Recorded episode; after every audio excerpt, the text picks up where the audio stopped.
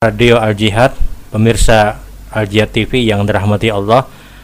Kembali pada kesempatan hari ini insya Allah kita akan menjawab pertanyaan yang sudah dihadirkan. Assalamualaikum warahmatullahi wabarakatuh. Waalaikumsalam warahmatullahi wabarakatuh.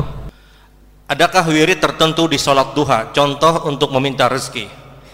Disebutkan dalam hadis yang diriwayatkan oleh Imam Al Bukhari bahwasanya Aisyah radhiyallahu taala anha meriwayatkan karena Rasul sallallahu alaihi wasallam salat duha. Adalah Rasul sallallahu alaihi wasallam satu hari beliau melaksanakan sholat duha. Ini dalil bahwasanya Nabi pun mengerjakan sholat sunnah duha.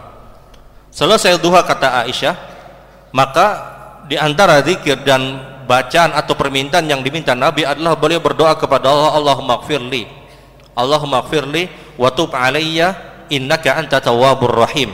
Hadis diriwayatkan oleh Imam Bukhari dan ketika itu disebutkan bacaan tersebut dibaca Nabi sampai 100 kali.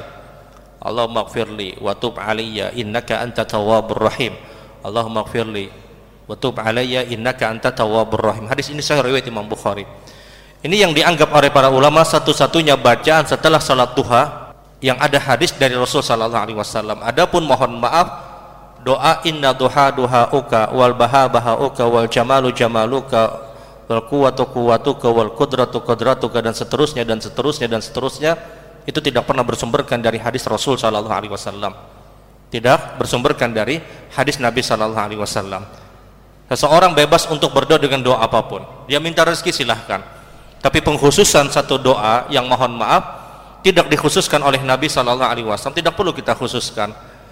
Yang doa inna duha duha uka wal baha baha uka wal jamalu jamaluka apalagi tadi wal kuwatu kuwaduka wal kudratu kudratuka kemudian di dalam doa tersebut katanya ya Allah kalau seandainya rezeki itu di langit turunkan ya Allah yang di dalam dikeluarkan. Yang parahnya ada kalimat yang haram dihalalkan.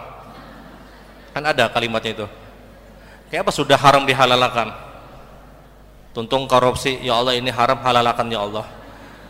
Dia modalnya salat duha ya Allah halalkan yang haram ini ya Allah ini dalil kenapa doa tersebut bukan bersumberkan dari hadis Rasul Shallallahu Alaihi Wasallam karena kekacauan dalam maknanya.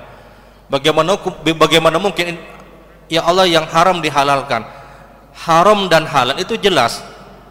Innal halal al bayin wa innal haram al bayin kata Nabi. Hukum haram jelas, hukum halal jelas. Wa bainahuma umur mustabihat di antara halal dan haram ada yang namanya syubhat. Faman waqa'a fi syubhati waqa'a haram. Siapa pun yang terjebak kepada perkara yang syubhat, dia telah terjebak kepada perkara yang haram.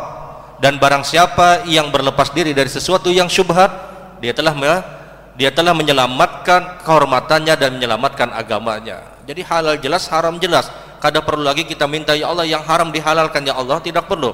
Dan doa tersebut masuk pada kalimat inna duha duhauka wal baha bahauka dan seterusnya sehingga ini dalil bahwa itu doa bukan bersumberkan dari hadis Rasul sallallahu alaihi wasallam.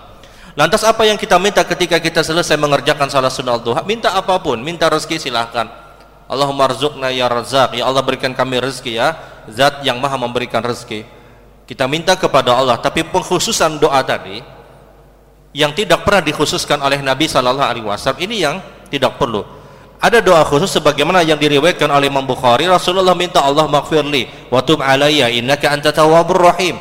Dan itu hadis diriwayatkan oleh Imam Bukhari disebutkan dalam kitab Adabul Mufrad bahwasanya Nabi Shallallahu alaihi wasallam berdoa dengan doa yang seperti itu sampai bahkan dilafatkan sampai 100 kali wallahu alam